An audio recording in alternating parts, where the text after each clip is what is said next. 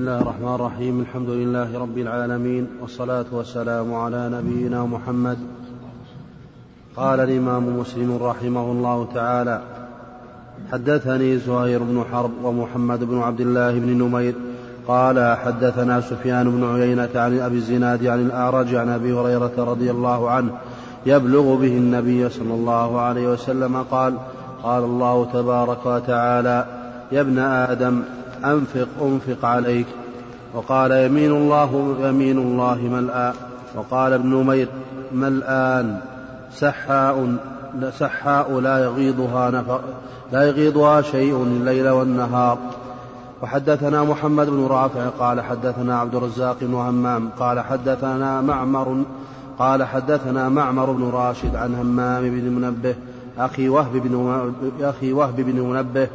قال هذا ما حدثنا أبو هريرة رضي الله عنه عن رسول الله صلى الله عليه وسلم فذكر أحاديث منها وقال قال رسول الله صلى الله عليه وسلم إن الله قال لي أنفق أنفق عليك.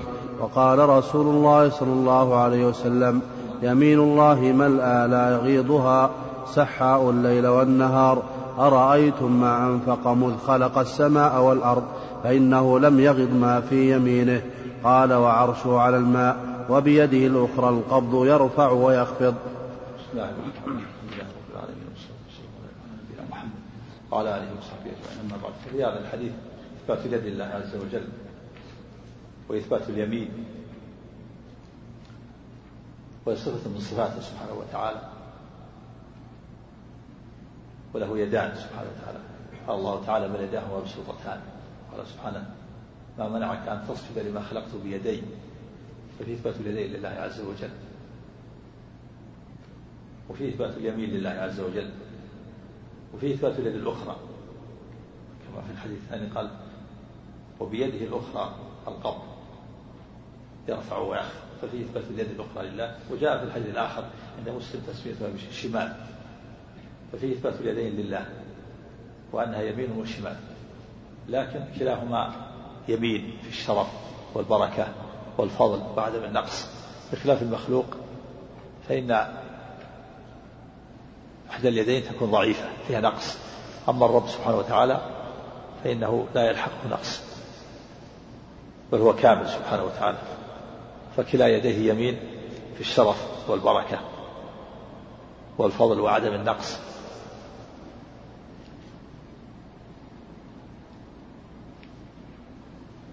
قال بعضهم إن إن إثبات الشمال لله في, في الحديث تعتبر شاذة تفرد بها أحد الرواة والأقرب أنها أنها ليست شاذة وأن ويدل على هذا نقول بيده الأخرى والأخرى هي تقابل اليمين هي الشمال. وفي إثبات كرم الرب سبحانه وتعالى وجوده وأنه وأنه سبحانه وتعالى يمينه ملأى سحاء سحاء الليل والنهار. والسحاء كثيرة الصب الصب الدائم الليل والنهار. سحاء الليل والنهار الليل والنهار ظرف. وأنه سبحانه وتعالى لا يغض ما في يمينه يعني لا ينقص. ولهذا قال أرأيتم ما ما أنفق منذ خلق السماوات والأرض فإنه لم يغض ما في يمينه يعني لم ينقص وعرشه على الماء في إثبات العرش. وأن العرش على الماء. وبيد الأخرى القبض وفي الرواية الأخرى الفيض. يخفض يرفع ويخفض. قبض قال بعض القبض معناها الموت والفيض الإحسان.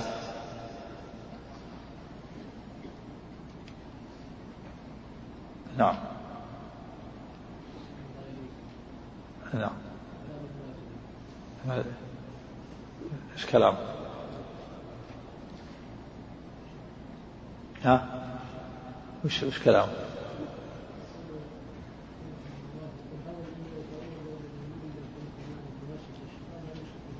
لا هذا هذا باطل. هذا باطل الإنكار. إنكار لليد. الصواب إثبات اليمين والشمال إثبات لله عز وجل. أما هذا بعض بعض المؤولين. هذا على طريقة الأشاعرة. لا يثبتون اليد الله عز وجل يؤولونها. هذا باطل. بعضهم يؤولها بالقدرة. بعضهم بعضهم يؤولها بالنعمة. هذا باطل.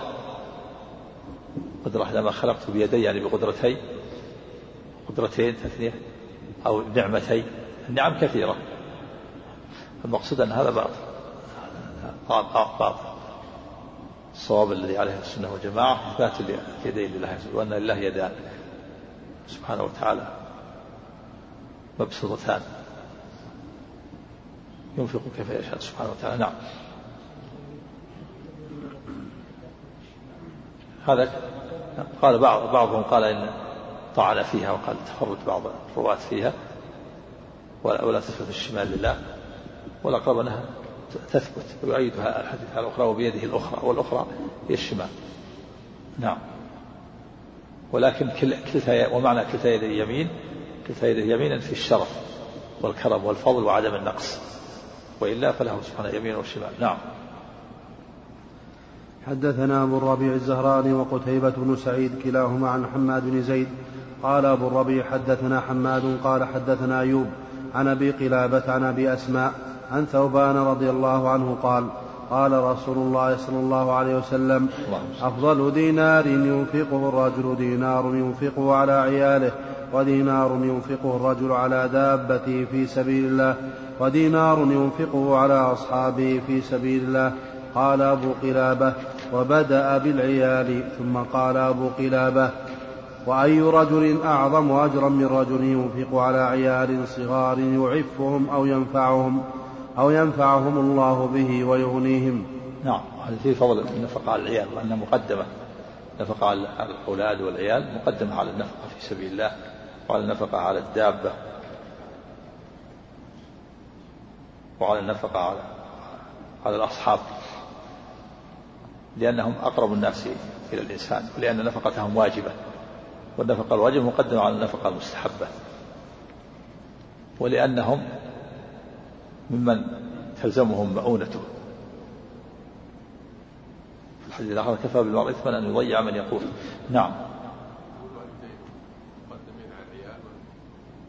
لا سيأتي أنهم أن في الحديث الآخر أن الزوجة يبدأ بزوجته ثم ثم بوالديه. نعم. نعم. نعم. أرفع الصوت. إيش؟ وش فيه؟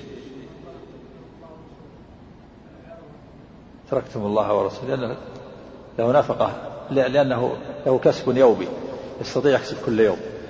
صدق بجميع ماله لأنه له كسب يومي. رضي الله عنه. يكسب كل يوم ما يكفيه.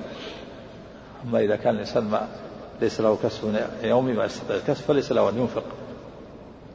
جميع ماله ولهذا قال النبي صلى الله عليه وسلم أنفق أمسك عليك بعض مالك فهو خير لك. لما قال إن من توبتي أنا أن خلع من مالي. قال أمسك عليك بعض مالك فهو خير لك. نعم. وعمر أبقى نصف ماله. نعم. حدثنا أبو بكر بن أبي شيبة وزهير بن حرب وأبو كريب واللفظ لأبي كريب. قالوا حدثنا وكيع عن سفيان عن مزاحم بن زفر عن مجاهد عن أبي هريرة رضي الله عنه قال قال رسول الله صلى الله عليه وسلم دينار أنفقته في سبيل الله ودينار أنفقته في رقبة ودينار تصدقت به على مسكين ودينار أنفقته على أهلك أعظمها أجرا الذي أنفقته على أهلك. نعم هذا فيه بيان فضل النفقة على الأهل وأنه مقدمة وأن أعظم أجر. من الإنفاق في سبيل الله والإنفاق في إعتاق الرقاب والصدقة على المساكين. نفقة على الأهل مقدمة نعم. لأن نفقة واجبة وأما النفقة على الرقبة وعلى المساكين هذه نفقة مستحبة. والواجب مقدم على المستحب. وأفضل. نعم. حدثنا سعيد بن محمد الجرمي قال حدثنا عبد الرحمن بن عبد الملك بن أبجر الكناني عن أبيه عن طلحة بن مصرف عن خيثمة عن خيثمة قال كنا جلوسا مع عبد الله بن عمرو رضي الله عنهما إذ جاءه قهرمان له فدخل فقال أعطيت الرقيق قوتهم؟ قال لا. قال فانطلق فأعطهم. قال قال رسول الله صلى الله عليه وسلم كفى بالمرء إثما أن يحبس عمن يملك قوته. نعم. وهم, وهم الأرقاء. الرقيق يجب عليك أن تنفق عليه. فإذا حبست النفقة فهذا تكون آثما. ولهذا قال قال النبي صلى الله عليه وسلم كفى إثما أن يحبس عمن يملك قوته فهؤلاء الأرقاء يملكهم الإنسان فليس له أن يحبس قوته. والقهرمان الخازن القائم بحوائج الإنسان. وهو بمعنى الوكيل. وكيل يوكله ويسمى في بعض بعض عند بعض التجار وبعض الأمراء يسمى يسمونه وزير. وزير وزير الأمير الفلاني أو معنى يعني الوكيل اللي وكله يقوم بحوائجه. قهرمان نعم. حدثنا قتيبة بن سعيد قال حدثنا ليث حاء وحدثنا محمد بن رمح قال أخبرنا الليث عن أبي الزبير عن جابر رضي الله عنه من قال اعتق رجل من بني عذرة عبدا له عبدا له عن دبر فبلغ ذلك رسول الله صلى الله عليه وسلم. فقال ألك مال غيره؟ فقال لا. فقال من يشتريه مني؟ فاشتراه نعيم بن عبد الله العدوي بثمانمائة درهم. فجاء بها رسول الله صلى الله عليه وسلم فدفعها إليه ثم قال ابدأ بنفسك فتصدق عليها فإن فضل شيء فلأهلك فإن فضل عن أهلك شيء فلذي, فل فل فلذي قرابتك قال فضل عن ذي قرابتك فإن فضل عن فإن فضل عن ذي قرابتك شيء فهكذا وهكذا. يقول فبين يديك وعن يمينك وعن شمالك. وحدثنا يعقوب بن إبراهيم الدورقي قال حدثنا إسماعيل يعني بن علية عن أيوب عن أبي عن أبي الزبير عن جابر رضي الله عنهما أن رجلا من الأنصار يقال له أبو مذكور اعتق أعتق غلاما له عن دبر يقال له يعقوب وساق الحديث بمعنى حديث الليث. نعم وهذا الحديث فيه جواز بيع المدبر إذا لم يكن له مال غيره لينفق على نفسه ثم على أهله ثم على قرابته والمدبر هو الذي هو العبد الذي يعتقه الإنسان بعد موته يقول إذا مو آه، بعد موتي فهذا العبد عتيق. هذا يعتبر يعتق إذا مات. إذا مات يعتق. هذا إذا كان له مال غيره أما إذا لم يكن له مال غيره فإنه يباع. لينفق على نفسه ثم على أهله ثم على قرابته. وفيه على جواز بيع المدبر والرد على من أنكر قال إنه لا يجوز بيع المدبر. هنا يجوز في هذه الحالة. ليس له مال غيره أعتق هذا العبد. يعني جعله عتيق وجلس. لا يستطيع أن ينفق على نفسه ولا على أهله. فالنبي باعه ثمانية درهم ثم دفع إليه وقال ابدأ بنفسك. تصدق عليها. في دليل على أن نفس الإنسان مقدمة. مرتبة النفقات. فإن فضل شيء فلأهلك. فإن فضل عن أهلك شيء فلذي قرابتك. فإن فضل عن ذي قرابتك؟ شيء فهكذا وهكذا. يقول بين يديك يعني أمامك وعن يمينك وعن شمالك. المعنى أن النفقة مرتبة. أولا النفقة على النفس ثم على الأهل ثم على القرابة ثم بعد ذلك الصدقة على المساكين عن يمينك أمامك بين يديك وأمامك يعني بين يديك أمامك وعن يمينك وعن شمالك. ويدل على جواز الحجر على المفلس وهذا من الحجر عليه وبيع ماله. أن الحجر على أبي مذكور وباع ماله. وكذلك الحجر على السفيه قال تعالى ولا تؤتوا أموالكم التي جعل الله لكم قياما. السفيه الصغير والمعتوه ضعيف العقل. يحشر عليه. ولا يعطى ماله حتى يكون رشيد. وكذلك أيضا المفلس إذا طلب غرباؤه ديونه وكان كان دينه دينه أكثر من ماله وطلب غرباء حجر حجر عليه كما في قصة معاذ الذي حجر عليه لما طلب غرباء. وكما في هذا الحديث فإن حجر على أبي مذكور وباع ماله وباع ماله ليس له مال غير هذا العبد. فباع ب 800 درهم ثم دفع إليه فأمره بأن ينفق على نفسه وأهله وقرابته. نعم. في الرد على مالك. القائل بأنه لا يجوز بيعه. مالك يقول لا يباع إلا إذا كان على السيد إذا كان على على على سيده دين فيباع. إذا كان عليه دين يكون يباع لحظ الغرماء وفي, وفي هذه القصة دليل على أنه يباع ولو لم يكن عليه دين. إنما عليه لكن ليس له مال غيره يحتاج إلى أن ينفق على نفسه وأهله. نعم.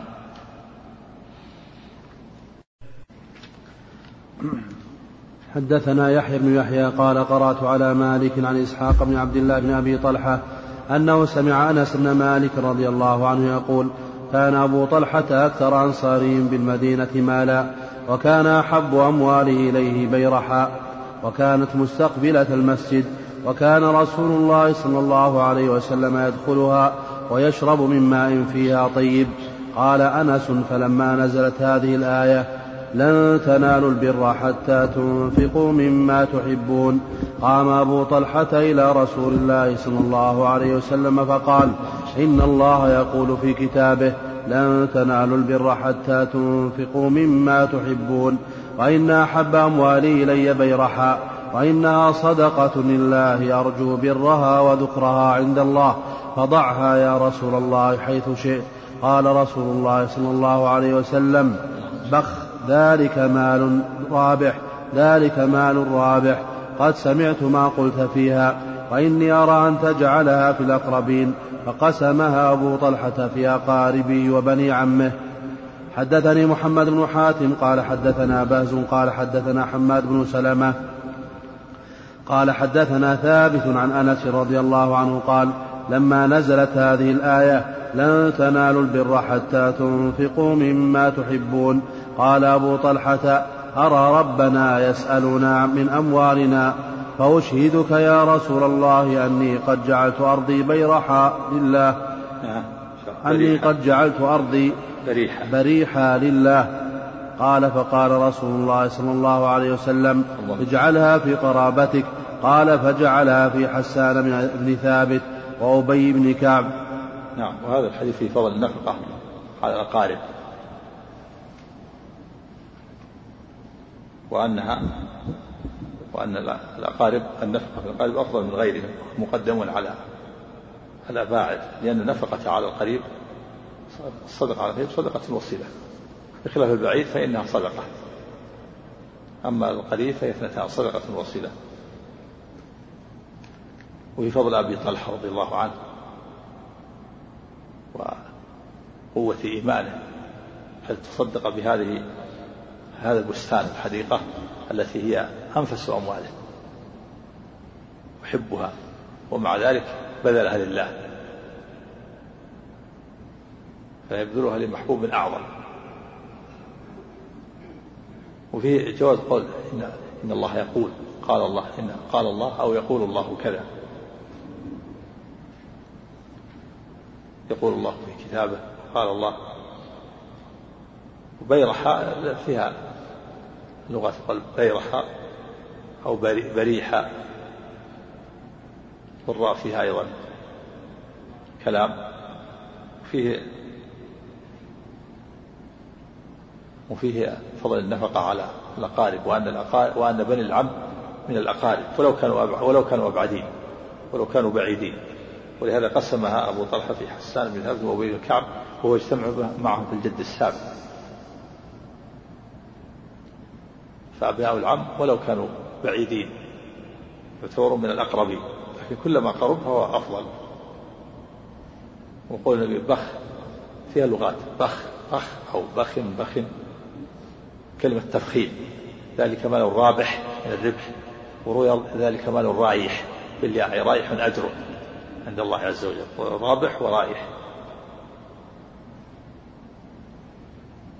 وفيه أن أن هذه الحديقة هذا البستان أحب أموال أبي طلحة إليه فأنفقه ابتغاء مرضات الله. قدم محبة الله على محبة هذا البستان. الذي يحبه كثيرا. كان النبي صلى الله عليه وسلم يدخل هذه الحديقة ويشرب الماء فيها طيب. فيها ماء طيب وحديقة مستقبلة المسجد قريبة من المسجد. فهي أنفس أمواله إليه. فهي قريبة ليست بعيدة وقريبة من المسجد فيها ماء طيب والنبي يدخلها. ومع ذلك لما سمع قول الله لن تنالوا البر حتى تنفقوا ما تحبون جاد بها لله عز وجل وأنفقها ابتغاء مرضات الله. نعم. رضي الله عنه وارضاه. نعم.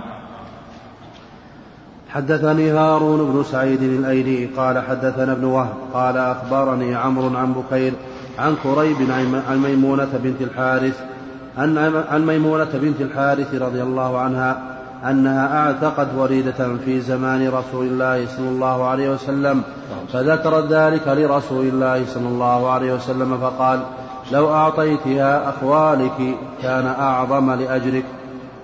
حدثنا حسن بن الربيع قال حدثنا أبو الأحوص. وهذا الحديث فيه فوائد.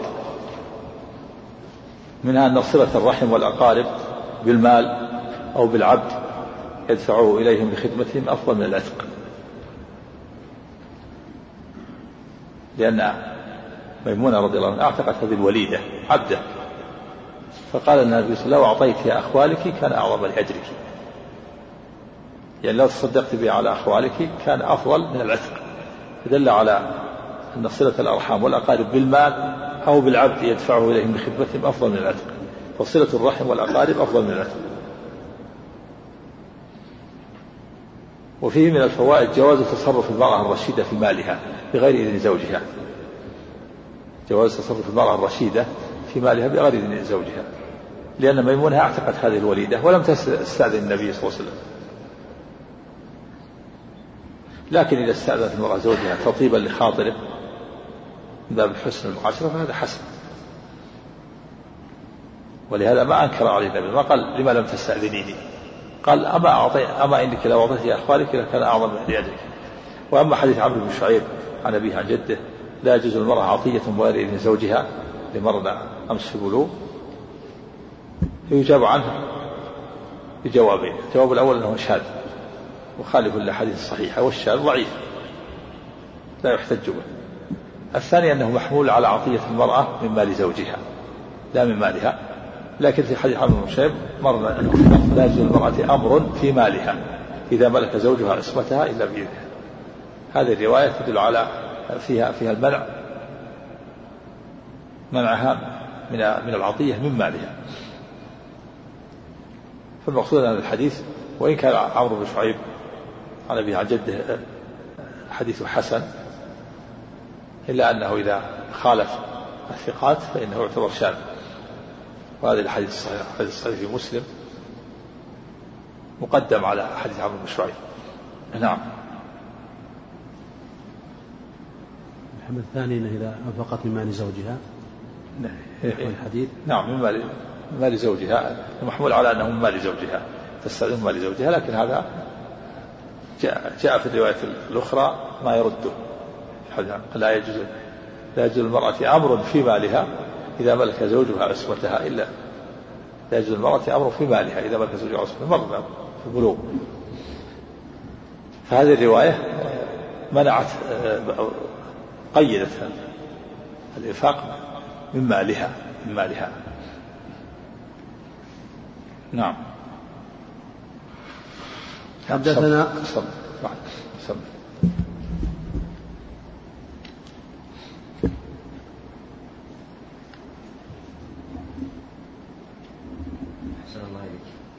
حدثنا حسن بن الربيع قال حدثنا أبو الأحوص عن الأعمش عن أبي وائل عن عمرو بن الحارث عن زينب امرأة عبد الله رضي الله عنه قالت قال رسول الله صلى الله عليه وسلم تصدقن يا معشر النساء ولو من ولو من حليكن. قالت فرجعت إلى عبد الله فقلت إنك ولو من حليكن نعم. ولو من حليك ولو من حلي حليكن قالت فرجعت إلى عبد الله. فقلت إنك رجل خفيف ذات اليد وإن رسول الله صلى الله عليه وسلم قد أمرنا بالصدقة. يعني فقير خفيف ذات اليد. نعم. فأته فاسأله فإن كان ذلك يجزي عني وإلا صرفته إلى غيركم. قالت فقال لي عبد الله بل ائتيه أنت؟ قالت فانطلقت فإذا امرأة من الأنصار بباب رسول الله صلى الله عليه وسلم. حاجتي حاجتها. قالت وكان رسول الله صلى الله عليه وسلم قد ألقيت عليه المهابة. قالت فخرج علينا بلال فقلنا له ائت رسول الله صلى الله عليه وسلم فأخبره أن امرأتين بالباب تسألانك, تسألانك تسألانك أتجزي الصدقة عنهما؟ تسألانك. نعم. أتجزي الصدقة عنهما على أزواجهما وعلى أيتام في حجورهما ولا تخبره من نحن قالت فدخل بلال على رسول الله صلى الله عليه وسلم فسأله فقال له رسول الله صلى الله عليه وسلم من هما؟ فقال امرأة من الأنصار وزينب. فقال رسول الله صلى الله عليه وسلم أي الزيانب؟ قال امرأة عبد الله فقال له رسول الله صلى الله عليه وسلم لهما أجران أجر القرابة وأجر الصدقة. نعم. وفيه أن في هذا الحديث فضل الصدقة على الأقارب. ومن ذلك الصدقة على الأيتام في الحجر. وأنها النفقة عليهم أفضل من غيرهم وصدقة المرأة على زوجها. وأن فيها أجرين أجر القرابة وأجر الصدقة. هذا فضل عظيم. فضل الصدقة على الأيتام في الحجر وعلى الزوج. وأن فيها أجرين أجر القرابة وأجر الصدقة. وهذا وهذه الصدقة قال بعضهم هي الزكاة قال بعضهم. وقيل هي صدقة التطوع.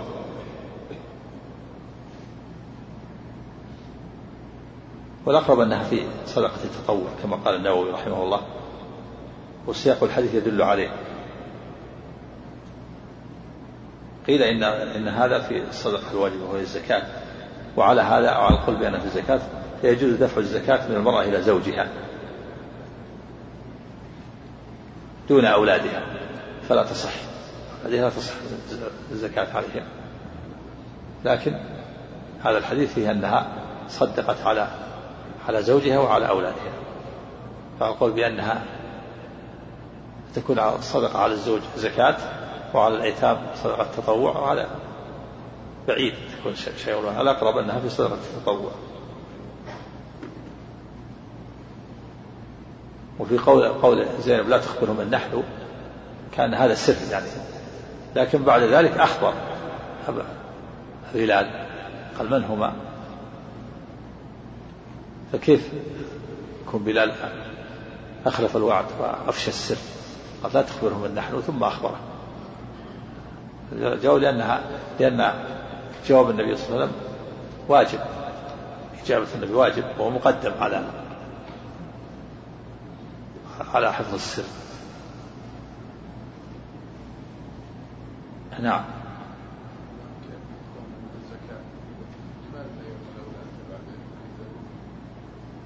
الأولاد فرع فرع الإنسان لا فروع الإنسان لا يصح لأن نفقته نفقة واجبة على الإنسان. يستغنون بالنفقة الواجبة.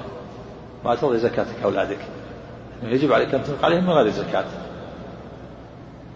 يستغنون بالنفقة الواجبة. إذا احتاجوا إلى شيء يجب عليك تنفق حتى يستغنوا. وإذا استغنى ما صحت لهم زكاة يجب عليك أن تنفق على أولادك وزوجتك. حتى يستغنوا. فإذا استغنوا ما صحت لهم الزكاة. فهؤلاء تجب نفقتهم من غير الزكاة. والأقرب أنها صدقة التطوع. ولأن الزوج إذا أنفقت عليه تعود نفقتها عليها فينتفع بزكاته بمعنى نعم. أحسن الله إليك. وحدثني أحمد بن يوسف الأزدي. قال حدثنا عمر بن حفص بن غياث قال حدثنا أبي قال حدثنا الأعمش قال حدثنا شقيق. سياق المؤلف مسلم رحمه الله الحديث هذا في صدقة التطوع قبله وبعده كله في نفقة التطوع يدل على أنه يرى أنها في صدقة التطوع. نعم. أحسن الله عليك وحدثني أحمد بن يوسف الأزدي قال حدثنا عمر بن حفص بن غياث. قال حدثنا أبي قال حدثنا الأعمش قال حدثنا شقيق عن عمرو بن الحارث. عن زينب امرأة عبد الله قال فذكرت لإبراهيم قال فحدثني عن أبي عبيدة عن عمرو بن الحارث عن زينب امرأة عبد الله بمثله سواء قال قالت كنت في المسجد فرآني النبي صلى الله عليه وسلم فقال تصدقن ولو من حلي ولو من حليكن وساق الحديث بنحو حديث أبي الأحوص حدثنا أبو كريب محمد بن العلاء قال حدثنا أبو أسامة قال حدثنا هشام عن أبيه عن زينب بنت أبي سلمة عن أم, عن أم سلمة رضي الله عنها قالت قلت يا رسول الله هل لي أجر في بني أبي سلمة؟ أنفق عليهم ولست بتاركتهم هكذا وهكذا إنما هم بني. فقال نعم لك فيهم أجر لك فيهم أج لك فيهم لك فيهم أجر ما أنفقت عليهم. نعم هذا فيه فضل النفقة من المرأة على أولادها وأنها مأجورة كالرجل. المرأة إذا أنفقت على أولادها فهي مأجورة كما أن الرجل إذا أنفق أولاده فهو مأجور. ولهذا قال النبي صلى الله عليه وسلم نعم لك فيهم أجر ما أنفقت عليهم. نعم. شيخ قول النبي صلى الله عليه وسلم ولو من حليكن نعم. لا يدل على أن الحلي إذا أخذ ها؟ لا ما ما يدل. يعني نفقة من صدقة التطوع غير غير الزكاة. تكون أخذت الزكاة من الأول ثم تصدق تبيع تبيع منها. ما ما في. نعم. نعم.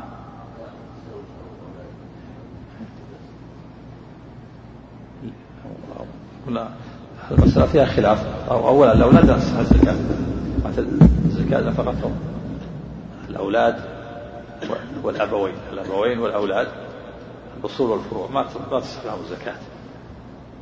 لكنه خلف الزوج.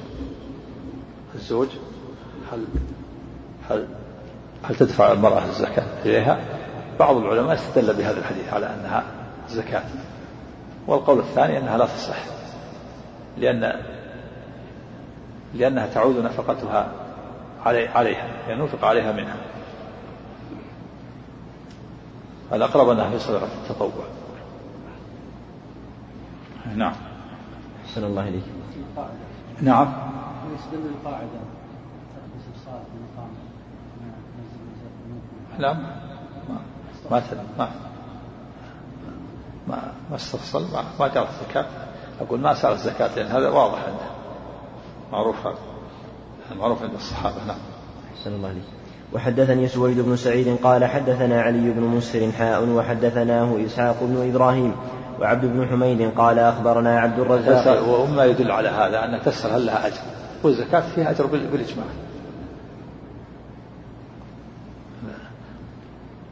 مأجورة يعني تستطيع هل لها أجر في إنفاقها عليهم؟ ظاهر كان فهمت كان مستقر عندها أن أن الزوج هو الذي ينفق على على زوجته وعلى أولاده. فإذا أنفقت هل لها أجر تبين لها بأنها مأجورة. أما الزكاة فمعلوم أمرها. نعم. أحسن الله عليك وحدثني سويد بن سعيد قال حدثنا علي بن مسهر حاء وحدثناه إسحاق بن إبراهيم وعبد بن حميد. قال أخبرنا عبد الرزاق قال أخبرنا معمر جميعا عن هشام بن عروة في هذا الإسناد بمثله. حدثنا عبيد الله بن معاذ العنبري قال حدثنا أبي قال حدثنا شعبة عن عبي وهو ابن ثابت. عن عبد الله بن يزيد عن أبي مسعود البدري رضي الله عنه عن النبي صلى الله عليه وسلم قال إن المسلم إذا أنفق على أهله نفقة وهو يحتسبها كانت له صدقة. نعم وهذا تقييد بقوله احتسبها. يقول النووي رحمه الله إن هذا قيد وأنه إذا أنفق بدون احتساب أنفق مع الغفلة فلا يؤجر والأقرب أنه لا يعتبر ليس قيدا. بل بمعنى أنه إذا احتسب فله أجر زائد على أجر النفقة وإن أنفق مع مع الغفلة فله أجر النفقة دون أجر الاحتساب. وإن احتسب فله أجران أجر النفقة وأجر الاحتساب. هذا هو الأقرب. خلافا لما أختاره النووي من أنها قيد. النووي يرى أنها قيد. إذا احتسب فإنه يؤجر. وإذا أنفق مع الغفلة فلا يؤجر. وهذا مرجوح. والاحتساب معناه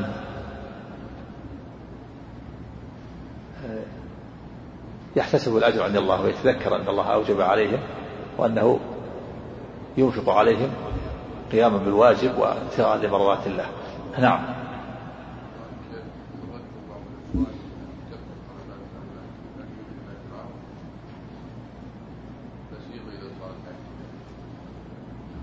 لا لا لا يذهب أجر. أجر النفقة إن شاء الله ثابت. لكن إذا احتسب له أجر آخر. النفقة النفقة أجرها ثابت وإذا احتسب ولم يتضجر صار له أجر آخر أجر الاحتساب. نعم. أحسن الله إليك. وحدثناه محمد بن بشار وأبو بكر بن نافع كلاهما عن محمد بن جعفر حاء وحدثناه أبو كريب قال حدثنا وكيع جميعا عن شعبة في هذا الإسناد. حدثنا أبو بكر بن أبي شيبة قال حدثنا عبد الله بن إدريس عن هشام بن عروة عن أبيه عن أسماء رضي الله عنها قالت قلت يا رسول الله إن أمي قدمت علي وهي راغبة أو راهبة أفأصلها؟ قال نعم. وحدثنا أبو كريب محمد بن العلاء قال حدثنا أبو أسامة عن هشام عن أبيه عن أسماء بنت أبي بكر رضي الله عنها قالت قدمت علي قدمت علي أمي وهي مشركة في عهد قريش إذ عاهدهم. فاستفتيت رسول الله صلى الله عليه وسلم فقلت يا رسول الله قدمت علي أمي وهي راغبة أفأصل أمي؟ قال نعم صلي أمك. نعم. والحديث فيه دليل على جواز صلة القريب الكافر والصدقة عليه إذا لم يكن حربيا وأن فيه أجر. وأم أسماء قدمت عليها في الهدنة التي بين النبي صلى الله عليه وسلم وبين قريش. لما عقد الصلح صالحهم صلح الحديبية جاءت أمها لأن لأن بينهم صار صار المشركون يأتون إلى المدينة ويختلطون بالمسلمين لأن صار عهد بينهم. فقدمت أم أسماء وهي راغبة يعني راغبة في الرفق والصلة. فاستفتت النبي صلى الله عليه وسلم هل قال نعم صلي أمك. في الرواية الأولى قال وهي راغبة أو راهبة شك من الراوي.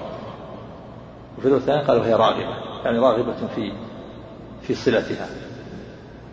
دل على جواز فدل على جواز صلة القريب الكافر والصدقة عليه.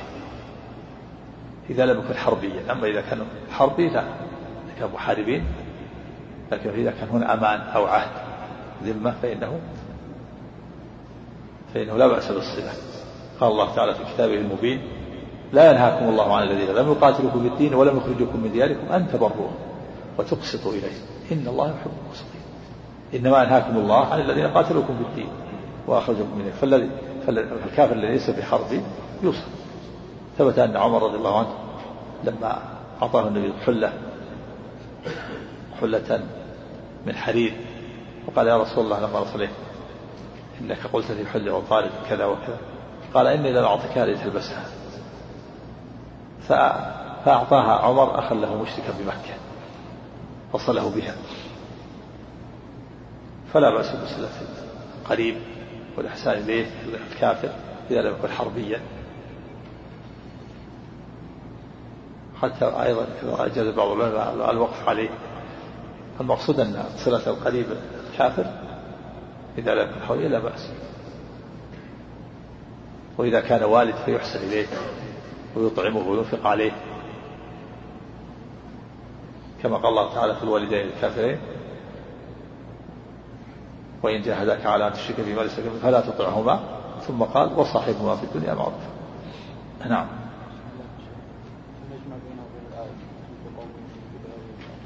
ما في مودة ما يلزم منه المودة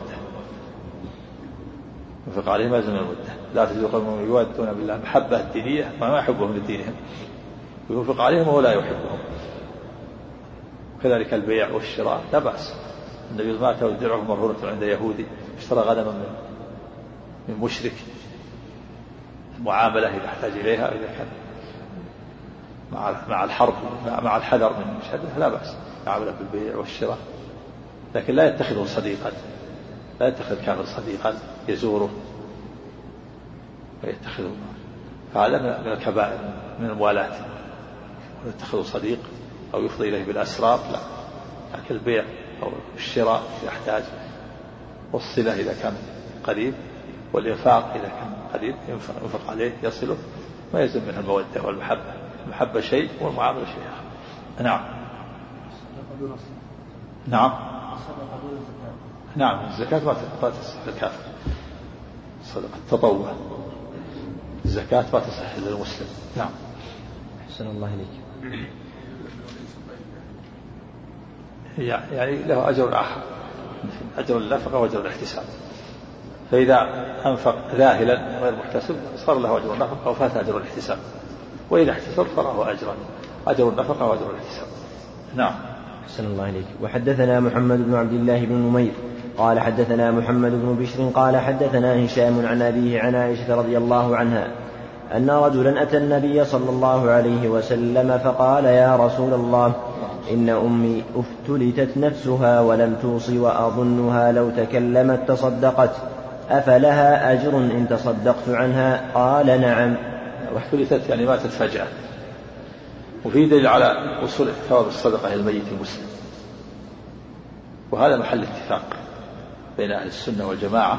خلف في هذا بعض أهل البدع وقالوا يمنع وصول شيء للميت غير ما تسبب به في الحياة. ما تسبب به الحياة يصل إليه وما عدا فلا يصل وهذا باطل وهذا الحديث رد عليهم. فالصدقة ثواب الصدقة يصل الميت باتفاق أهل السنة والجماعة. وكذلك الدعاء يصل إليه بالاتفاق ثواب الدعاء. وكذلك الحج والعمرة. والأضحية نوع من الصدقة هذه الأمور الأربعة متفق عليها بين أهل السنة. الصدقة الدعاء والصدقة والحج والعمرة ويدخل في ذلك الأضحية. واختلف العلماء اختلف أهل السنة في وصول ثواب الأعمال البدنية. كالصلاة يصلي ركعتين ويهدي ثوابها الميت والصوم يصوم يوم ويهدي ثواب الميت قراءة القرآن يقرأ القرآن ويهدي ثواب الميت التسبيح والتهليل يهدي ثواب الميت. طواف بالبيت سبعة أشواط من غير حج وعمرة يهدي ثواب الميت. على قولين. أحدهما أنه يصل إليه. اختار الحنابلة والأحناف. قالوا أنه يصل. والقول الثاني أنه لا يصل وأنه يوقف عند النص وهذا هو الصواب. الصواب أنه يقتصر على ما ورد به النص. ما ورد به النص النص إنما ورد في وصول ثواب الحج والعمرة والصدقة والدعاء والعبادات توقيفية يوقف عند النصوص. وهذا هو الذي ذهب إلى المالكية والشافعية وهو الصواب أنه يوقف عند النصوص يهدى الميت ثواب الصدقة والحج والعمرة والدعاء. أما قراءة القرآن تقرأ لنفسك وتدعو الميت. تسبح بنفسك وتدعو الميت. هذا هو الأقرب. لأن العبادات توقيفية. واصف عبادة المنع والحظ. ذهب آخرون بأنه يقاس يقاس عليه. الحنابلة اختار هذا مقيم في كتاب الروح. نقلها عن شرح الطحاوية وأنها تصل. والأقرب أنه يوقف عند النصوص. أما الصيام الواجب الذي وجب على الميت وتمكن من القضاء ولم يقضي فهذا يقضى عنه القضاء الواجب. إذا مات عليه صوم من رمضان وتمكن من القضاء ولم يقضي أو مات عليه صوم نذر أو كفارة يقضى عنه لعموم قول النبي صلى الله عليه وسلم من مات وعليه الصيام صام عنه وليه. مات وعليه كلمة عليه يعني عليه صوم واجب رواه البخاري في الصحيح. أما صوم التطوع يصام على الميت يهدى ثوابه. هذا ليس عليه دليل. أو يصلى عنه ركعتين ويهدى ثوابه أو يقرأ القرآن ثوابه فليس عليه دليل. الأقرب والأرجح أنه لا يهدى الميت إلا ثواب الأعمال المالية التي وردت في النصوص. نعم. أحسن الله عليك وحدثني زهير بن حرب قال حدثنا يحيى بن سعيد. حاء وحدثنا أبو كريب قال حدثنا أبو أسامة. حاء وحدثني علي بن حجر قال أخبرنا علي بن مسر حاء حاء حدثنا حدث حاء حدثنا الحكم بن موسى قال حدثنا شعيب بن إسحاق. كلهم عن هشام بهذا الإسناد وفي حديث أبي أسامة ولم توصي كما قال ابن بشر ولم يقل ذلك الباقون. حدثنا قتيبة بن سعيد قال حدثنا أبو عوانة حاء وحدثنا أبو بكر بن أبي شيبة.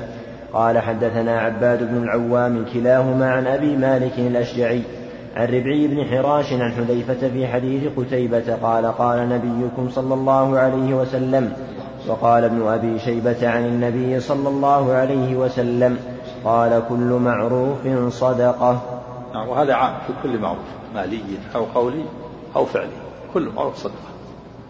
معروف ما عرفه الشرع عرف الشرع حسنا من الأموال والأقوال والأفعال. نعم. أحسن الله عليك وحدثنا عبد الله بن محمد بن أسماء الضبعي. قال حدثنا مهدي بن ميمون. قال حدثنا واصل مولى أبي عيينة عن يحيى بن عقيل عن يحيى بن يعمر عن يحيى بن ابن يعمر عن أبي الأسود الديلي عن أبي ذر رضي الله الديلي أحسن الله عليك وليعمر ويعمر. نعم. الديلي نعم. الله عنك. وحدثنا عبد الله بن محمد بن أسماء الضبعي قال حدثنا مهدي بن ميمون قال حدثنا واصل مولى ابي عيينه عن يحيى بن عقيل عن يحيى بن يعمر عن أبي الأسود الديلي عن أبي ذر رضي الله عنه أن ناسا من أصحاب النبي صلى الله عليه وسلم قالوا للنبي صلى الله عليه وسلم يا رسول الله ذهب أهل الدثور بالأجور يصلون كما نصلي. ويصومون كما نصوم ويتصدقون بفضول أموالهم. قال أوليس قد جعل الله لكم ما تصدقون؟ إن بكل تسبيحة صدقة وكل تكبيرة صدقة وكل, تحمي وكل تحميدة صدقة وكل تهليلة صدقة وأمر بالمعروف صدقة ونهي عن منكر صدقة وفي بضع أحدكم صدقة. يا رسول الله أيأتي؟ قالوا. قالوا يا رسول الله أيأتي أحدنا شهوته ويكون له فيها أجر؟ قال أرأيتم لو وضعها في حرام كان عليه فيها وزر؟ فكذلك إذا وضعها في الحلال كان له أجران وهذا الدثور أهل الأموال. وفي الحديث دليل على أن هذه الأذكار من التسبيح والتكبير والتحميد والتهليل والأمر بالمعروف والنهي عن المنكر صدقات كالصدقة في الأموال. وكذلك جماع الرجل أهله صدقة. وقولوا في بضع أحدكم بضع الفرج صدقة.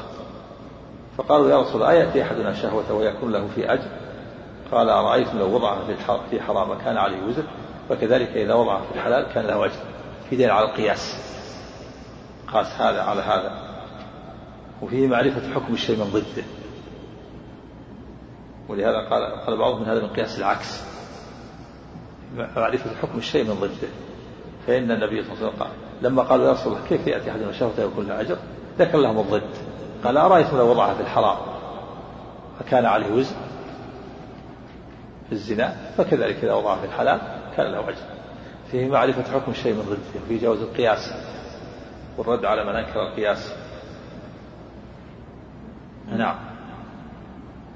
أحسن الله عليك وحدثنا حسن بن علي الحلواني قال حدثنا أبو توبة الربيع بن نافع قال حدثنا معاوية يعني يعني ابن سلام عن زيد أنه سمع أبا سلام يقول قال هذا يؤيد أنه آه، قول الحديث الآخر يحتسبها. أنه ليس قيدا يعني قالوا في جماع يوضع أحدكم صدقة ولم يقل إذا نوى الولد. وإذا نوى الولد يكون أفضل نعم. الله عنك. وحدثنا حسن بن علي الحلواني قال حدثنا أبو توبة الربيع بن نافع قال حدثنا معاوية معاوية يعني ابن سلام عن زيد أنه سمع أبا سلام يقول حدثني عبد الله بن فروخ أنه سمع عائشة رضي الله عنها تقول إن رسول الله صلى الله عليه وسلم قال إنه خلق كل إنسان من بني آدم على ستين وثلاثمائة مفصل فمن كبر الله عز وجل وحمد الله عز وجل وهلل الله وسبح الله واستغفر الله وعزل حجرا عن طريق الناس أو, أو شوكة أو عظما عن طريق الناس وأمر بمعروف أو نهى عن منكر عدد, عدد تلك الستين والثلاثمائة السلاما فإنه يمشي يومئذ وقد زحزح نفسه عن النار قال أبو توبة وربما قلت يمسي نعم.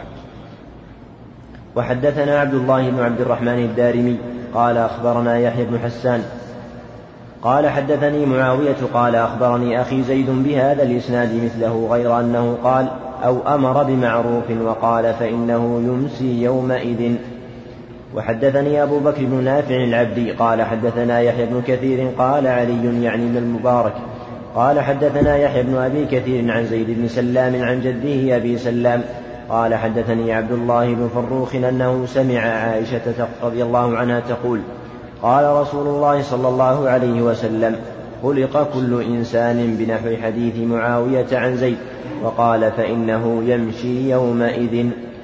وفي هذا الحديث أن هذه الصدقات عدد السلميات تؤدي ما على الإنسان. وإذا ركع ركعتين من الضحى أدى ما عليه كما في الحديث الآخر. ويجزم ذلك ركعتان يركعه من الضحى.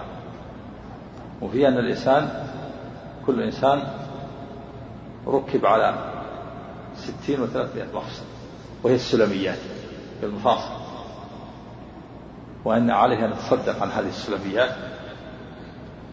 ولكن الله تعالى جعل نوع الصدقة التسبيح والتهليل والتكبير والأمر بالمعروف والنهي عن المنكر صدقات. وإذا ركع ركعتين كفاه ذلك. في الحديث الآخر وإن وإن صدق سبح وهل ثم وركع ركعتين فهو نور على نور. في الحديث الآخر يصبح على كل سلامة من أحدكم صدقة. هو خبر بمعنى الأمر. يصبح على كل سلامة صدقة خبر بمعنى الأمر والمعنى تصدقوا لكن الأمر الاستحباب.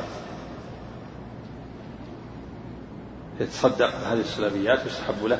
شكرا لله على نعم المفاصل التي خلق الإنسان وركب عليها. نعم. أحسن الله إليك. حدثنا أبو بكر بن أبي شيبة قال حدثنا أبو أسامة عن شعبة عن سعيد بن أبي بردة عن أبيه عن جده رضي الله عنه عن النبي صلى الله عليه وسلم قال على كل مسلم صدقة. قيل أرأيت إن لم يجد؟ قال يعتمل بيديه فينفع نفسه ويتصدق. قال قيل أرأيت إن لم يستطع؟ قال يعين ذا الحاجة الملهوف. قال قيل له أرأيت إن لم يستطع؟ قال يأمر بالمعروف أو الخير. قال أرأيت إن لم يفعل؟ قال يمسك عن الشر فإنها صدقة. وحدثناه محمد بن المثنى قال حدثنا عبد الرحمن بن مهدي. قال حدثنا شعبة بهذا الإسناد. نعم وهذا حديث عظيم فيه الترتيب لأنواع المعروف والإحسان خمس مراتب. أول هو الصدقة وثانيها العمل بيديه فينفع نفسه ويتصدق. وثالثا يعين ذا الحاجة الملهوف. ورابعا يأمر بالمعروف وخامسا يمسك عن الشر وهو صدقة على نفسه. نعم. أحسن الله إليك. وحدثنا محمد بن رافع قال حدثنا عبد الرزاق بن همام قال حدثنا معمر عن همام بن منبه قال حدث هذا ما حدثنا هذا ما حدثنا أبو هريرة عن محمد رسول الله صلى الله عليه وسلم فذكر أحاديث منها وقال رسول الله صلى الله عليه وسلم كل سلامة من الناس عليه صدقة كل يوم تطلع فيه الشمس قال تعدل بين الاثنين صدقة وتعين الرجل في دابته فتحمله عليها أو ترفع له عليها متاعه صدقة. قال والكلمة الطيبة صدقة وكل خطوة تمشيها إلى الصلاة صدقة وتميط الأذى عن الطريق صدقة. صلى الله. نعم.